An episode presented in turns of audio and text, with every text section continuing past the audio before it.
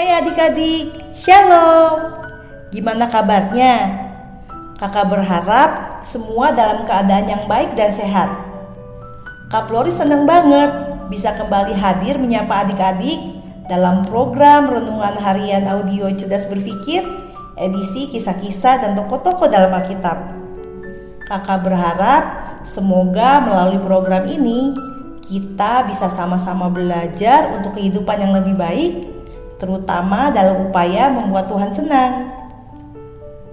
Hari ini, kakak akan membawakan renungan yang sederhana, tapi tetap bermakna.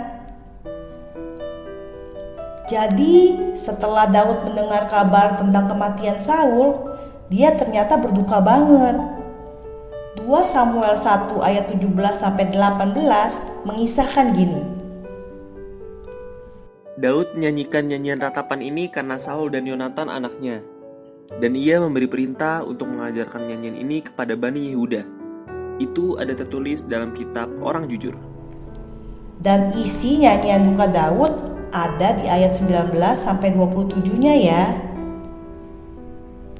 Wah, saking berdukanya, ternyata Daud memerintahkan supaya lagu tersebut diajarkan kepada suku Yehuda.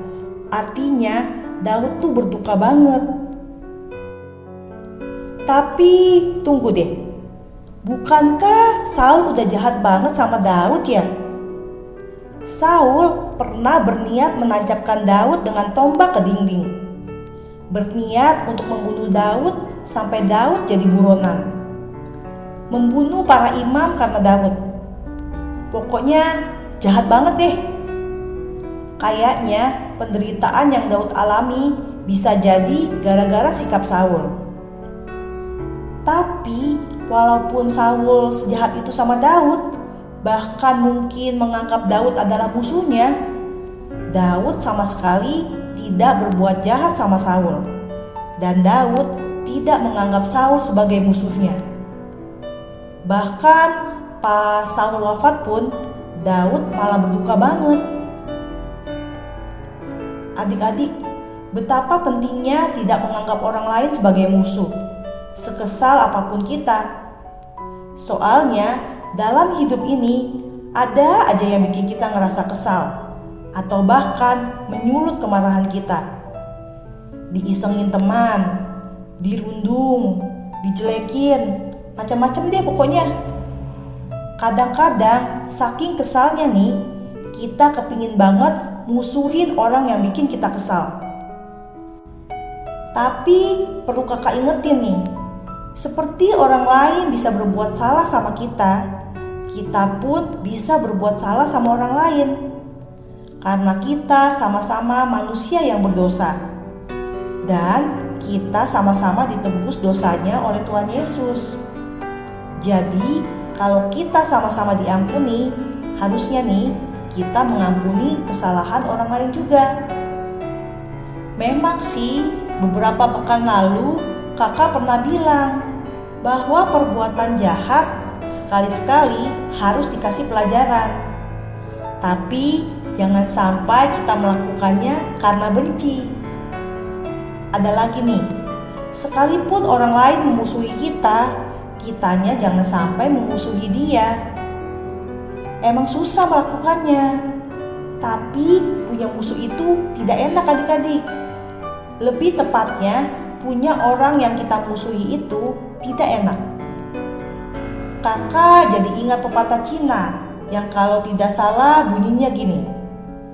Seribu lawan terlalu sedikit dan satu musuh terlalu banyak. Hmm, ini ada benarnya. Tuhan Yesus bilang gini dalam Matius 5 ayat 44. Tetapi aku berkata kepadamu, kasihilah musuhmu dan berdoalah bagi mereka yang menganiaya kamu. Mengasihi musuh kak, mana bisa? Ya emang, yang namanya musuh ya dimusuhin. Untuk bisa mengasihi musuh, ya kita jangan menganggap dia musuh kita. Sekalipun dia menganggap kita musuhnya.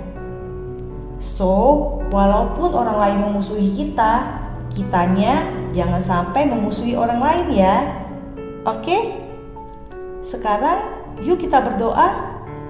Tuhan Yesus, hari ini kami belajar dari kisah hidup Saul dan Daud, di mana Daud tetap berduka atas kematian Saul, orang yang sudah menjahatinya, bahkan ingin membunuhnya.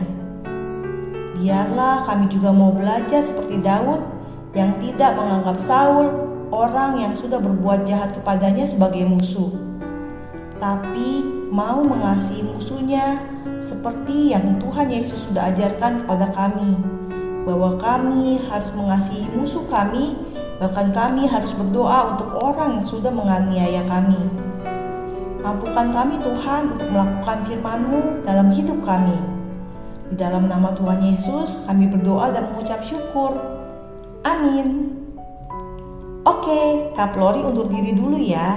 Tetap sehat, tetap semangat, dan tetap jadi berkat. Jangan lupa bahagia ya. Tuhan Yesus memberkati. Dadah.